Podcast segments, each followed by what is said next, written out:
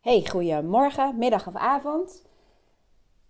Ik wilde je iets vertellen over kwaliteiten. Want uh, ontdekken wat je wilt en wat je belangrijk vindt in je leven hangt ook heel erg nauw samen met ontdekken wat je kwaliteiten zijn. Nou is er wel een verschil tussen kwaliteiten en kwaliteiten. En die ga ik je even uitleggen. Het is namelijk zo dat, um, dat je in je jeugd vooral vaak vaardigheden ontwikkelt die je nodig hebt om te overleven. Dat klinkt wel heel uh, heftig, maar feitelijk is dat gewoon het geval. Je ontwikkelt vaardigheden die je in elk geval helpen. Bijvoorbeeld um, in een gezin waar uh, twee dochters zijn die um, alcoholverslaafde ouders hebben, dan zie je vaak dat de oudste dochter bepaalde vaardigheden ontwikkelt tot een kwaliteit, zoals uh, zorgzaamheid en heel alert zijn, heel sensitief zijn voor de behoeften van haar ouders. dat ze dus heel erg gaat inspelen op wat hebben de ouders nodig om te zorgen dat het allemaal een beetje stabiel wordt. En uh, wat kan ze doen om te zorgen dat, um, nou ja, dat het gezin doordraait, om het zo te zeggen. Dat er eten is en dat het kleine zusje naar school gaat. Dus je ziet al wel dat zo'n oudste dochter allerlei vaardigheden ontwikkelt tot een kwaliteit. Ze wordt er heel erg goed in. En daar ga ik je zo meteen verder iets over vertellen. Want er is dus een verschil tussen een ontwikkelde vaardigheid die je nodig hebt gehad in je leven en misschien nu ook wel.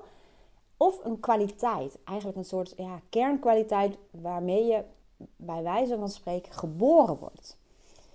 En het verschil is ook vaak dat je merkt dat de kwaliteit waarmee je geboren wordt, zeg maar, die echt bij jou past, daar hoort ook een bepaalde flow bij. Dat is iets waar je helemaal in kan verliezen waar je heel veel energie van krijgt en wat je super leuk vindt om te doen.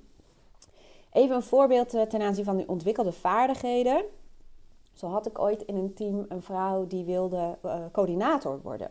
Want ze zei: Ik ben degene die als er in het team uh, onduidelijkheden zijn, dan ga ik orde creëren. Dan pak ik de flip over erbij en dan ga ik dingen ordenen. Ik ben degene die altijd voorstelt om actiepunten vast te leggen, of een verslag te maken, of een agenda te maken. Dus zij grijpt elke keer in op het moment dat het vaag is of onduidelijkheden of als dingen blijven hangen. En uh, zij zei dus mijn volgende stap in mijn carrière zou zijn die, uh, een rol als uh, coördinator. Dus een eerste leidinggevende functie. En toen had ik zoiets van, mm, mm, ik observeer natuurlijk behoorlijk. Dat, dat doe ik van nature, maar dat hoort ook bij het werk wat ik doe. En ik dacht, ik, ik zag wel wat signalen die ik niet associeer met energie, met flow. Toen zei ik, zou jij eens twee weken lang een lijstje willen bijhouden, een plus-min lijst. En dan schrijf je aan de pluskant alle dingen op die je energie geven, waar je helemaal blij van wordt, waar je naar uitkijkt.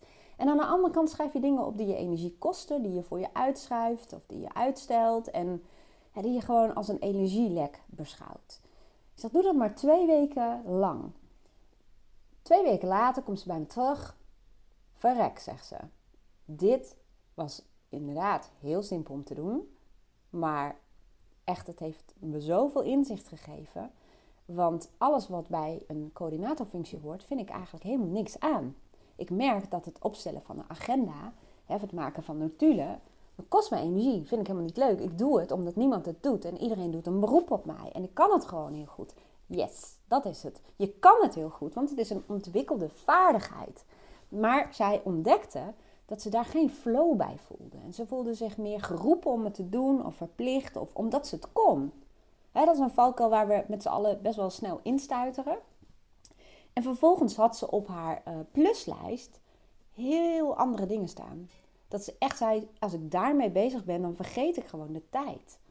Of dan ga ik zo lekker en dan moet ik echt erop letten, oh shit, heb ik wel wat gedronken en ben ik wel naar de wc geweest, want ik, ik ga zo lekker. En dat was een compleet ander uh, ja, profiel, wilde ik zeggen. Maar dat was gewoon eigenlijk een compleet andere richting, laat ik het zo zeggen. Dus wat ik jou wil meegeven. Um, als je een coaching bij mij doet, dan uh, kan ik met jou aan de slag gaan om te onderzoeken wat zijn je kwaliteiten en welke valkuilen horen daar bijvoorbeeld bij. Um, en welke kwaliteiten heb je ontwikkeld, dus zijn ontwikkelde vaardigheden. En welke kwaliteiten horen echt bij wie jij bent. En die maken jou uniek. Dus dat is namelijk een verschil. Het lijkt een nuanceverschil, maar het is echt een fundamenteel verschil. Het kan je leven echt veranderen als je je leven inricht op basis van jouw persoonlijke waarden. Dat zijn eigenlijk je allerbelangrijkste behoeften en condities om gelukkig te zijn en goed te functioneren. En als je dat dan koppelt aan ehm, je kernkwaliteiten, nou, dan heb je een ultiem recept voor geluk. En ik noem ook het woord moeiteloosheid. Want dan ga je merken dat dingen moeiteloos gaan. In mijn eigen bedrijf merk ik dat ook. Dat er zijn gewoon een aantal dingen die ik heel lastig vind. Daar zit echt gewoon mijn talent of mijn kwaliteit niet. En dat soort dingen besteed ik ook zoveel mogelijk uit aan mensen die er heel veel plezier in hebben. En dat merk je ook aan hoe ze het doen. En ehm, de dingen die ik heel goed kan en waar ik heel blij van word, heel enthousiast van word, daar wil ik mijn effort, mijn energie en mijn tijd in steken om dat nog beter te maken. En dan zie je dat, ik gebruik even een Engels woord, maar het floot in mijn bedrijf. Het, het stroomt en, en uh, heel veel dingen gaan moeiteloos, omdat ik me heel erg focus op wat voor mij belangrijk is. En um, de kwaliteiten inzet die echt van mij zijn, die mij uniek maken. En daardoor merk je ook als je daar heel specifiek in bent, dat je ook precies de mensen aantrekt die daarop aansluiten. Want er komen echt mensen uit, uit België, ehm, Den Haag, uh, Friesland, Enschede. Uh, nou, allemaal dorpjes die ik uh, niet makkelijk na kan vertellen. Maar gewoon het zuiden, Brabant, Limburg. Er komen mensen uit heel Nederland rijden.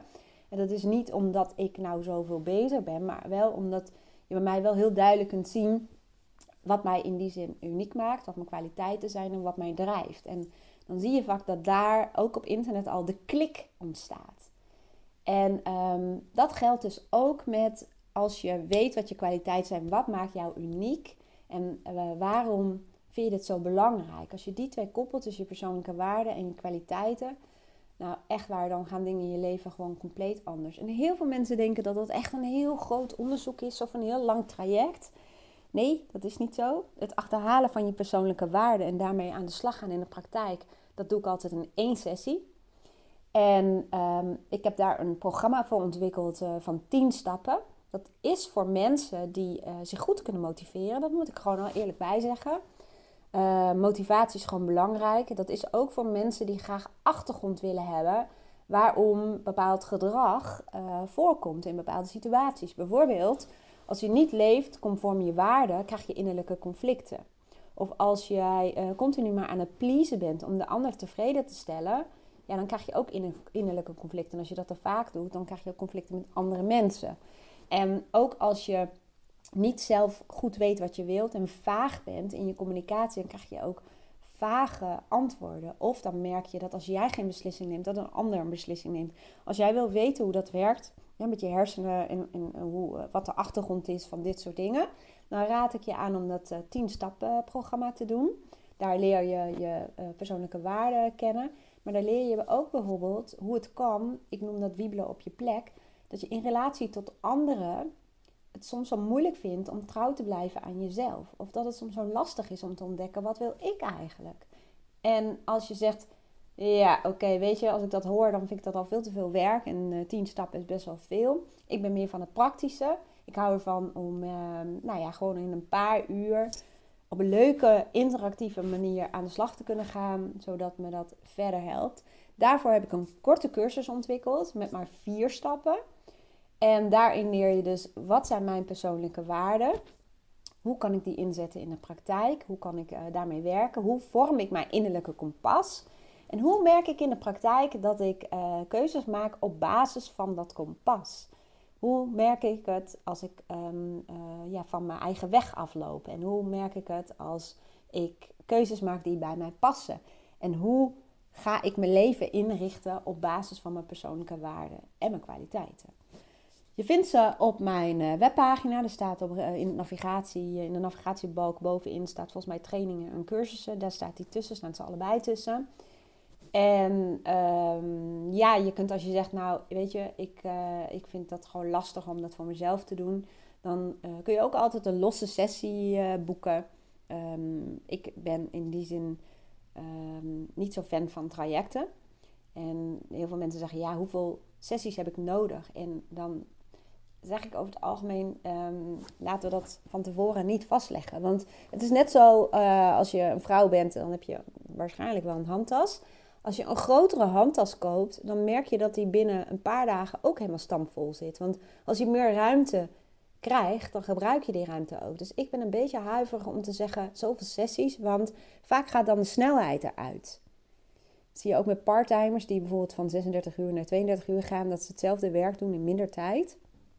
Ik zeg meestal, na elke sessie kijken we even, waar ligt je behoefte? Heb je überhaupt nog wel behoefte aan een sessie? Of zeg je, laat mij maar gewoon even lekker aan de slag gaan. En als ik uh, denk, ik wil nog even sparren, dan meld ik me wel weer. Dus per sessie bekijken we wat je volgende stap is. En of dat coaching is of juist niet. En um, uh, uitzonderingen maak ik daarin wel, want um, het aantal sessies hangt ook heel erg samen met het aantal veranderingen dat je door wil voeren. En ik heb met heel veel mensen een samenwerking waarbij ze een jaar of langer bij me zijn.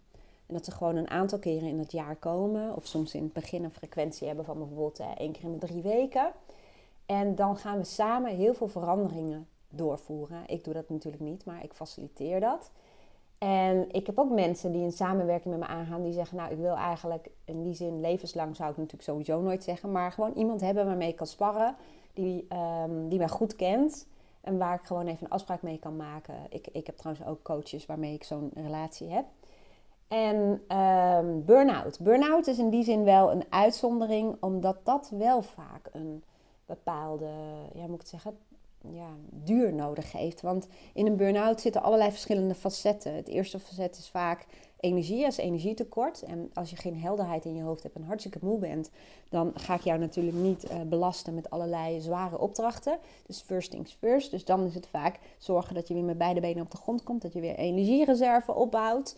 En uh, dan gaan we kijken van hoe is dit eigenlijk zo gekomen? Wat zijn je valkuilen? Wat kunnen we daarvoor uh, voor betekenen? Vervolgens gaan we ook kijken, oké, waar sta je nu? Waar zou je het liefst heen willen? En hoe kunnen we ervoor zorgen dat je, het klinkt een beetje zo'n mooi woord, maar duurzaam um, ja, opbouwt. Dat je dus niet terug gaat vallen, maar dat je duurzaam opbouwt en dat je ook echt de veranderingen doorvoert, waardoor die burn-out achteraf gezien als een zegen zal voelen. Ik zeg dat als je dan toch al in elkaar uh, ligt, dus op de grond in, in stukken, dan uh, is het natuurlijk mooi om jezelf nu op een goede manier in elkaar te zetten, zodat je de rest van je leven hier iets mee kan. Dat soort trajecten duurt over het algemeen echt wel minimaal 10 sessies. En dan zie je dat in het begin de sessies uh, wat dichter op elkaar zitten en daarna gaat er wat langere tijd tussen zitten. Je ziet ook vaak dat de duur van een sessie bijvoorbeeld van anderhalf uur naar één uur gaat. Dus nou ja, dat eigenlijk even over de duur van trajecten. Maar als jij naar deze podcast luistert omdat je denkt, ja, ik wil gewoon ontdekken wat ik wil. En ik wil ook ontdekken wat ik kan en wat mijn volgende stap is. Of dat nou uh, gewoon in je leven is of dat het op uh, werkgebied is. Dan is ofwel één losse sessie boeken. Ofwel een cursus, ofwel de 10 weekse, of sorry, 10 stappen programma doen. Een, uh, nou ja, een goede stap om, om te gaan zetten. Ik wens jou een hele fijne dag en ik wil je bedanken voor het luisteren.